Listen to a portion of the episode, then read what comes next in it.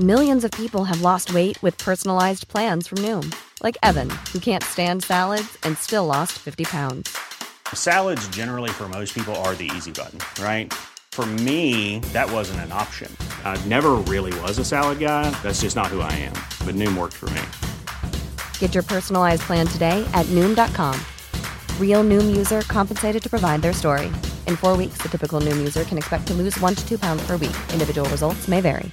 You should celebrate yourself every day, but some days you should celebrate with jewelry. Whether you want to commemorate an unforgettable moment or just bring some added sparkle to your collection, Blue Nile can offer you expert guidance and a wide assortment of jewelry of the highest quality at the best price. Go to BlueNile.com today and experience the ease and convenience of shopping Blue Nile, the original online jeweler since 1999. That's BlueNile.com. BlueNile.com. Hey, it's Ryan Reynolds, and I'm here with Keith, co star of my upcoming film, If, only in theaters, May 17th. Do you want to tell people the big news?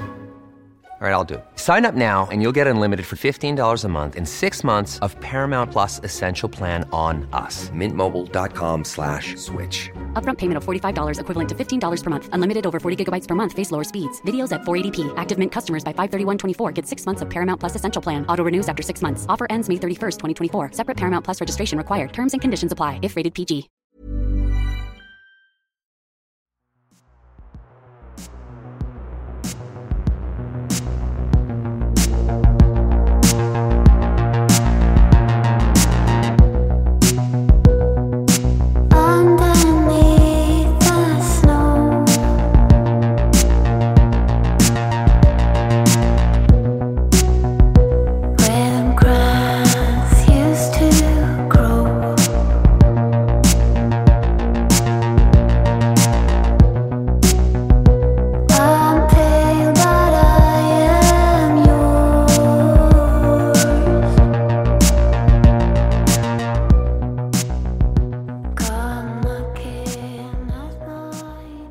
Olösta mord, Silje Redegård, del 3.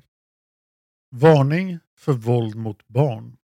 Det här avsnittet är skrivet av Sofie Karlsson. Klippning har gjorts av David Oskarsson och jag heter Dan Hörning. Det här är en podd som bara ställer frågor och aldrig ger några svar. Vad tror du? Kontakta oss gärna med dina teorier om fallen som vi tar upp. Du hittar kontaktinformationen i avsnittstexten i din poddapp eller i slutet av avsnittet. Om du tycker olösta mord är jättebra får du gärna vara med och sponsra podden på patreon.com. Patreon, patreon.com. Sök på olösta mord. Ni vet allihop hur det fungerar vid det här laget. I både femåringens och sexåringens journaler står det att deras mammor kämpar för att få behålla vårdnaden om sina barn. Och den kampen går inget bra. Både femåringen och sexåringen placeras i fosterhem 1998. Det är fyra år efter mordet på Silje. Sexåringen tar på sig skulden. Han tror att det är hans fel att hans mamma förlorar vårdnaden på grund av det som hände Silje. När de åker mot fosterhemmet blir han jätteledsen. Hans mamma blir tvungen att stanna bilen. Sexåringen, som nu är tio år gammal, säger citat Mamma, vad som än händer så ska du veta att jag älskar dig och jag glömmer dig aldrig. Slut citat. Femåringen upplever att han förlorar sin familj när han blir fosterhemsplacerad. Han börjar missbruka alkohol och narkotika i tonåren. Mellan 2009 och 2014 döms femåringen flera gånger för narkotikarelaterade brott. Silje Redgård blev bara fem år gammal. Hon dog där i snön uppe på pulkabacken efter en grov misshandel. Flera liv är påverkade, skadade och sårade. Här hade historien om Silje och de tre pojkarna kunnat ta slut. Men 27 år efter mordet på Silje gör produktionsbolaget Brännpunkt i samarbete med NRK en dokumentärserie om fallet. Den dokumentärserien heter Mordet i Pulkabacken Och NRK är förstås norska rikstelevisionen eller norsk rikskringkastning. I dokumentären Mordet i pulkabacken medverkar bland annat Beate, sexåringens mamma, femåringens mamma samt femåringen och sexåringen. Femåringen är alltså då 32 år gammal och sexåringen är 33. Men jag fortsätter ändå envist och kallar dem för femåringen och sexåringen. Femåringen och sexåringens utseenden är mörklagda och deras röster är förställda med hjälp av röstskådespelare. Precis som i SVTs dokumentär om fallet Kevin granskas nu polisens utredning i minsta detalj. Många av de detaljer som jag redan tagit upp är detaljer som har kommit till allmänhetens kännedom tack vare den här dokumentären. Jag kommer nu att gå igenom olika expertutlåtanden från dokumentären och från två av pojkarna som nu alltså är män och deras egna ord om vad som hände lördagen den 15 oktober 1994. Femåringen och sexåringen valde alltså att medverka i dokumentären Mordet i pulkabacken. Fyraåringen medverkade inte. Men han har skriftligen meddelat produktionen att han inte har några som helst minnen av att ha misshandlat eller dödat Silje. Femåringen och sexåringen har lite olika minnesbilder av vad de lekte och med vem de lekte under den där hemska lördagen. Att de har olika minnesbilder, som de dessutom själva säger är vaga, är inte så konstigt eftersom det har gått 27 år sedan mordet när dokumentären spelas in. Sexåringen minns det som att Silje ville leka med honom med femåringen och fyraåringen. Men att de lekte en pojklek och sa till henne att flickor fick inte vara med på den leken. Femåringen minns det istället som att Silje var med och lekte mamma, pappa, barn. Silje var enligt femåringen barn och la sig i sandlådan för att låtsas sova. De tre pojkarna blev enligt femåringens minnesbild inkallade för bullar och saft och då lämnade de Silje i sandlådan. När de sedan gick tillbaka ut för att fortsätta leka och gick upp mot fotbollsplanen hittade de enligt femåringen Silje död uppe på pulkabacken. Ingen av dem har några som helst minnen av att de har varit fysiskt våldsamma eller ens elaka mot Silje. Femåringen säger att det är osannolikt att han var inblandad i Siljes död eftersom han inte minns någonting som tyder på det. Sexåringen säger bestämt i dokumentären 2021 att han inte dödade Silje. Jag nämnde i del 1 att den rättsmedicinska undersökningen av Silje visade att dödsorsaken var hypotermi. Gränsen för hypotermi enligt kroppstemperaturen har sjunkit till 35 grader. En rättsläkare som är expert på barnobduktioner får år 2021 ta del av den rättsmedicinska rapporten. När polis och ambulans kom till fyndplatsen efter klockan 16 på lördagen den 15 oktober 1994 hade Silje en kroppstemperatur på 20,5 grad. Det är alltså långt under gränsen för hypotermi. Detta säger dock enligt experten inte alls särskilt mycket eftersom dödens inträde medför att en människas kroppstemperatur sjunker betydligt. Enligt experten togs inte de prover på Siljes kropp som anses nödvändiga 2021 för att säkerställa hypotermi som dödsorsak. Experter menar att den slutsatsen endast drogs för att skadorna på Silje inte var tillräckliga för att orsaka hennes död och för att hon hittades i den kalla och blöta snön. Det är expertens åsikt 2021 att rättsläkarna 1994 faktiskt inte alls kunde avgöra Siljes dödsorsak.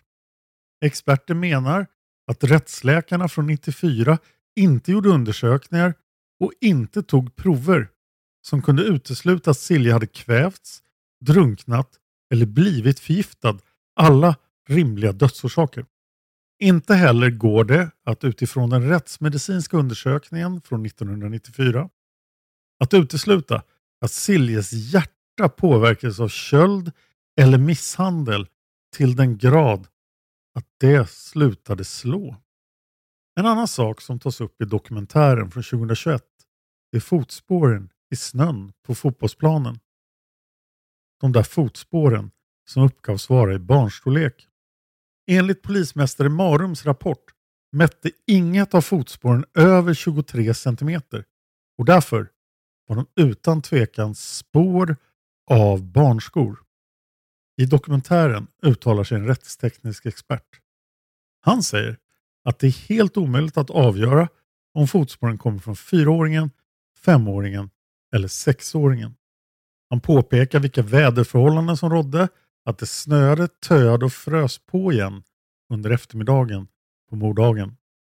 Det går därför inte ens att härleda fotspåren till en specifik typ av stövel. Även om fotspåren skulle ha gått att härleda till pojkarna så kan man ju fundera runt vilket bevisvärde det skulle ha. Pojkarna har ju redan sagt att de var uppe och lekte på fotbollsplanen och att deras fotspår fanns där var inte särskilt konstigt. Det finns också en annan intressant detalj med fotspåren.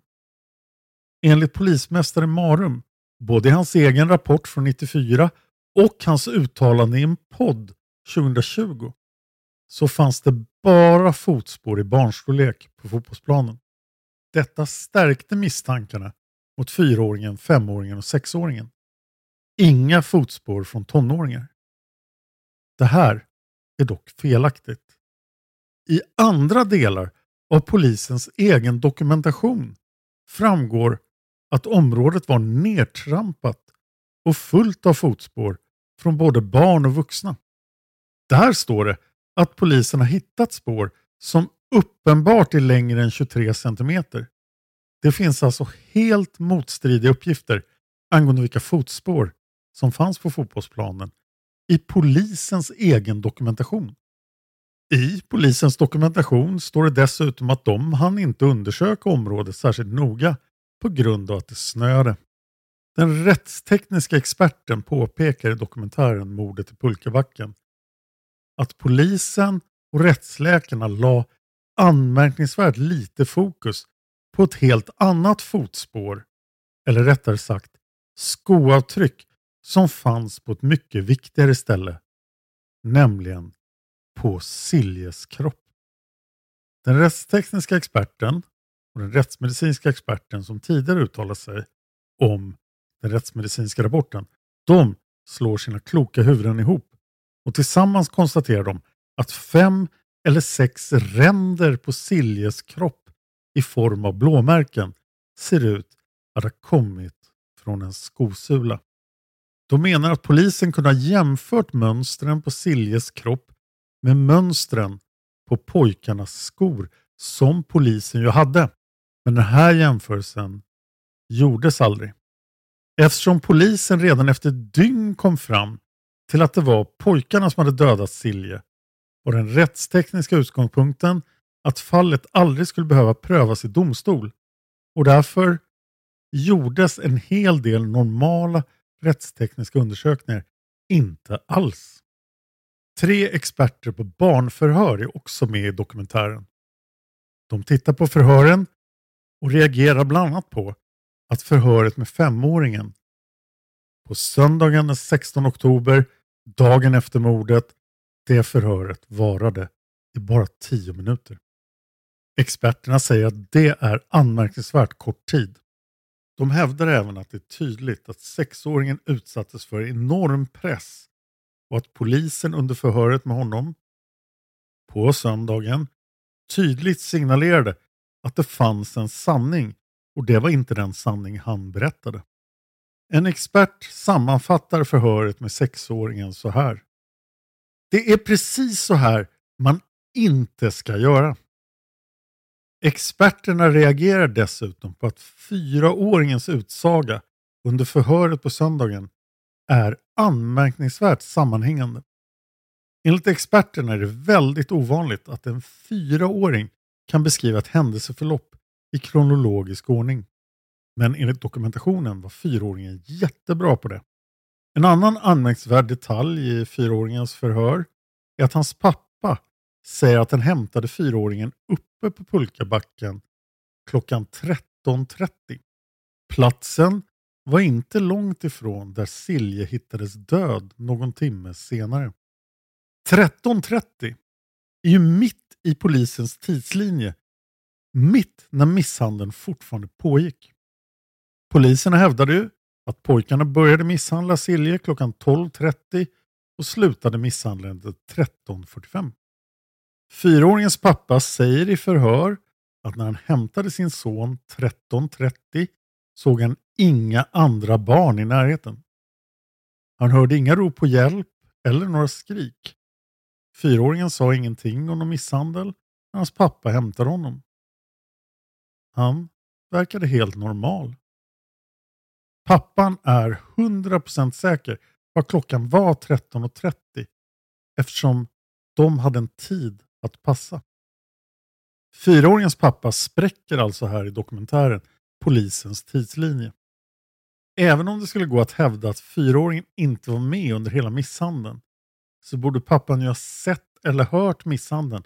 Han borde ha sett Silje ligga där i vattenpölen och dö. Ryan Reynolds här från Mint Mobile. Med priset på nästan allt som går upp under inflationen trodde vi att vi skulle bring våra priser down. So to help us, we brought in a reverse auctioneer, which is apparently a thing. Mint Mobile unlimited premium wireless. Have to get 30, 30, bit to get 30, bit to get 20, 20, 20, bit to get 20, 20, bit to get 15, 15, 15, 15 just 15 bucks a month. So, Give it a try at mintmobile.com slash switch. $45 upfront for three months plus taxes and fees. Promo rate for new customers for limited time. Unlimited more than 40 gigabytes per month. Slows. Full terms at mintmobile.com.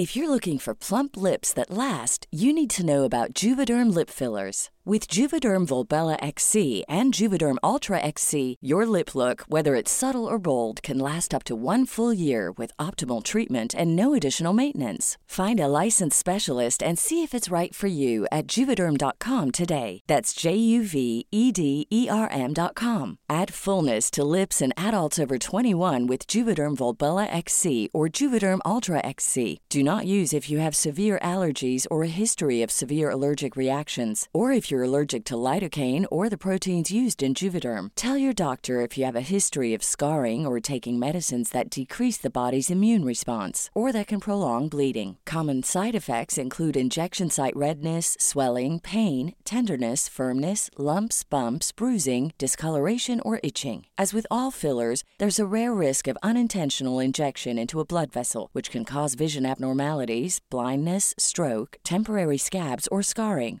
For full important safety information, visit juvederm.com. I'm Sandra, and I'm just the professional your small business was looking for. But you didn't hire me because you didn't use LinkedIn jobs. LinkedIn has professionals you can't find anywhere else, including those who aren't actively looking for a new job but might be open to the perfect role, like me. In a given month, over 70% of LinkedIn users don't visit other leading job sites. So if you're not looking on LinkedIn, you'll miss out on great candidates like Sandra. Start hiring professionals like a professional. Post your free job on linkedin.com/people slash people today. Under våren 2021 intervjuar Brännpunkt den person som då är polismästare i Trondheim. Det är Nils Christian Moe. I intervjun säger polismästare Moe att eh, polisutredningen i fallet Silje var en bra utredning utifrån 1994 års mått. Moe säger också att polisen i Trondheim tillsammans med Kripos har gått igenom utredningen och de kan inte se hur någon annan än fyraåringen, femåringen, sexåringen skulle kunna dödat Silje. Kripos kanske kommer ihåg från våra andra avsnitt. De om Marianne och Therese. Det är ju norska rikspolisen. Polismästare Moe får dock under våren 2021 veta att den välrenommerade polisen och forskaren Asbjörn Racklev håller på med en granskning av polisutredningen. Racklev är ungefär som en norsk Leif GW Persson. Under sommaren 2021 skickar därför polismästare Moe utredningen till Cold Case-gruppen i Trondheim. Cold Case-gruppen tittar över utredningen och skriver en rapport till polismästare Moe. Cold Case-gruppen säger att det inte finns någon anledning till att återuppta fallet. Enligt polismästare Moe i en till intervju från 2021 på hösten var Cold Case-gruppens främsta argument att fallet är så gammalt.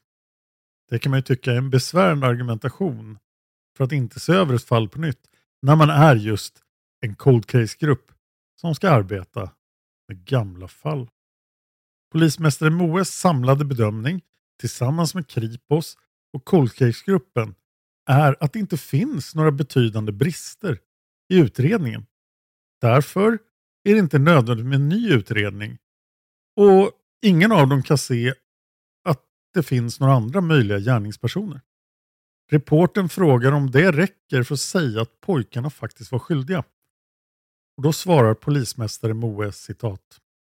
Det är vår slutsats, men det kan ju bli så att eh, Racklev-rapporten kommer fram till någonting annat och att Brännpunkts dokumentär belyser information som vi kanske måste ta ställning till. Slutcitat. Racklev-rapporten kommer fram till någonting helt annat än Trondheimpolisen, Kripos, Cold Case-gruppen. Racklev menar att han inte vet vad som hände Silje Redegård, men hans granskning visar att polisen har förhört misstänkta små barn på ett högst olämpligt sätt.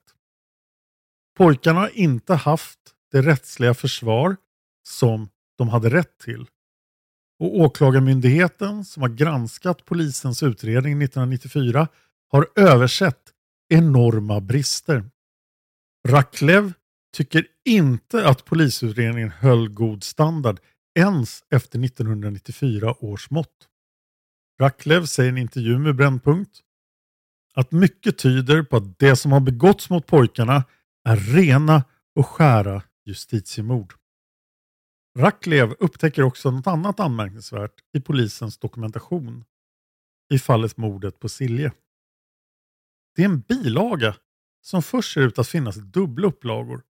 Men de olika upplagorna har en viktig skillnad. I den ena bilagan finns det tre sidor. Men i kopian finns det fyra sidor. De första tre sidorna är identiska. Men den fjärde sidan, som alltså bara finns i den ena kopian, där står noteringar om dörrknackningen som polisen genomförde på morddagen. På den fjärde sidan står det att flera vuxna personer, inte bara Sigrid Andresen, såg tonåringar i pulkabacken och på fotbollsplanen under lördagen. Ingen av dessa vuxna vittnen blev kallade på vittnesförhör utan har bara lämnat informationen om tonåringarna när dörrknackningen genomfördes. Inget av det här följdes upp av polisen. Denna mystiska fjärde sida har tillförts dokumentationen efter det att polismästare Marum gick ut i media och sa att det var tre av Siljes jämnåriga som hade dödat henne. Man kan se att den har tillförts senare på datummarkeringen. Racklev menar att polisen 1994 bestämde sig för att pojkarna var skyldiga och gick ut med det till allmänheten alldeles för tidigt. De hade en presskonferens trots att den rättstekniska undersökningen inte ens var klar. Den fjärde sidan är ett bevis på just detta. Betydelsefulla uppgifter som har kommit till polismästarens kännedom efter hans uttalande i media. De har inte utretts närmare. Det här väcker såklart frågan om prestige och tillit. Var polismästaren rädd att dennes och polisen i Trondheims anseende skulle påverkas negativt om man backade från sitt tvärsäkra påstående om att de små pojkarna var mördare. Racklev har hittat en till brist i polisens dokumentation. Ett protokoll från ett förhör med fyraåringens mamma saknas.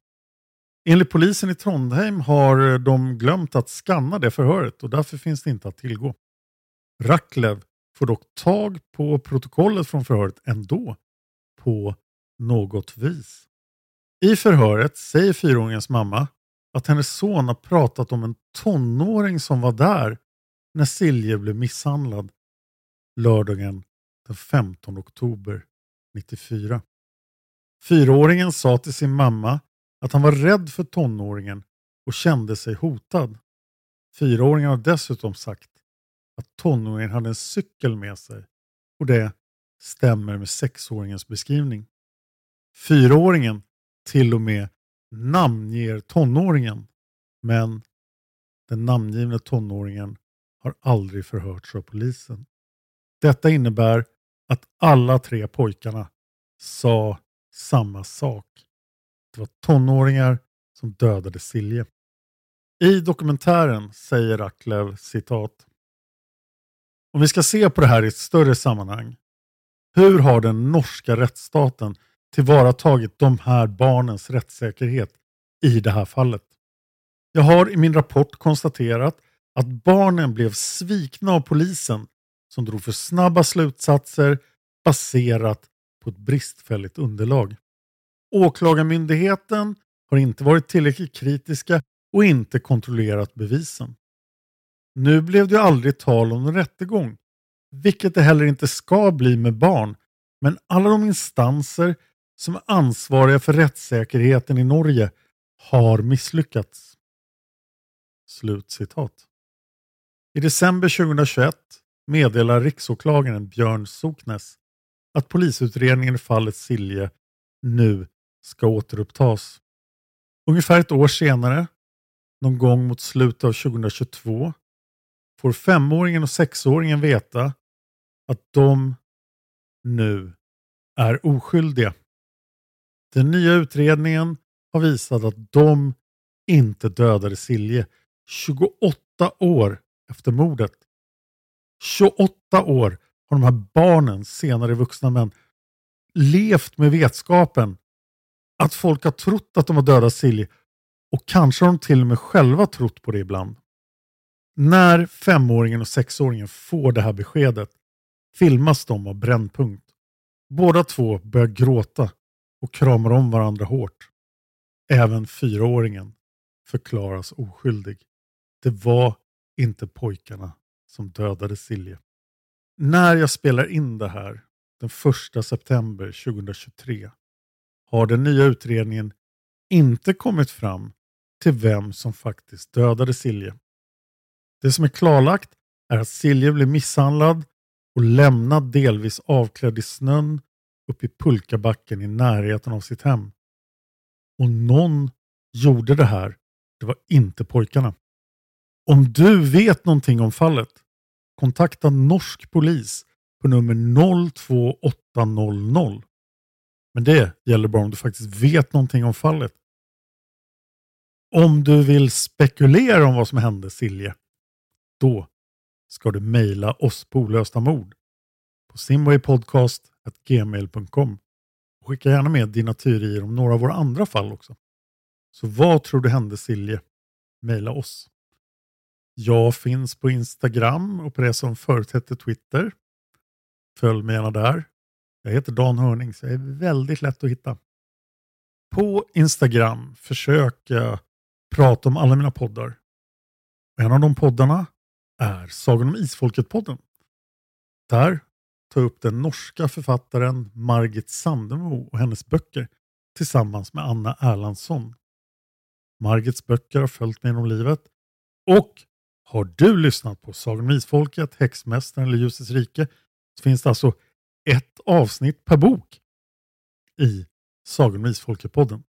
Du känner någon som vill ha Margit Sandemo, tipsa dem om Sagan om Isfolket-podden. Tack till Sofie Karlsson som har skrivit det här avsnittet.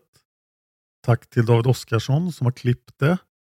Tack till Trippnaha för musiken, låten Immune. Och tack till dig för att du lyssnar på Olösta mord.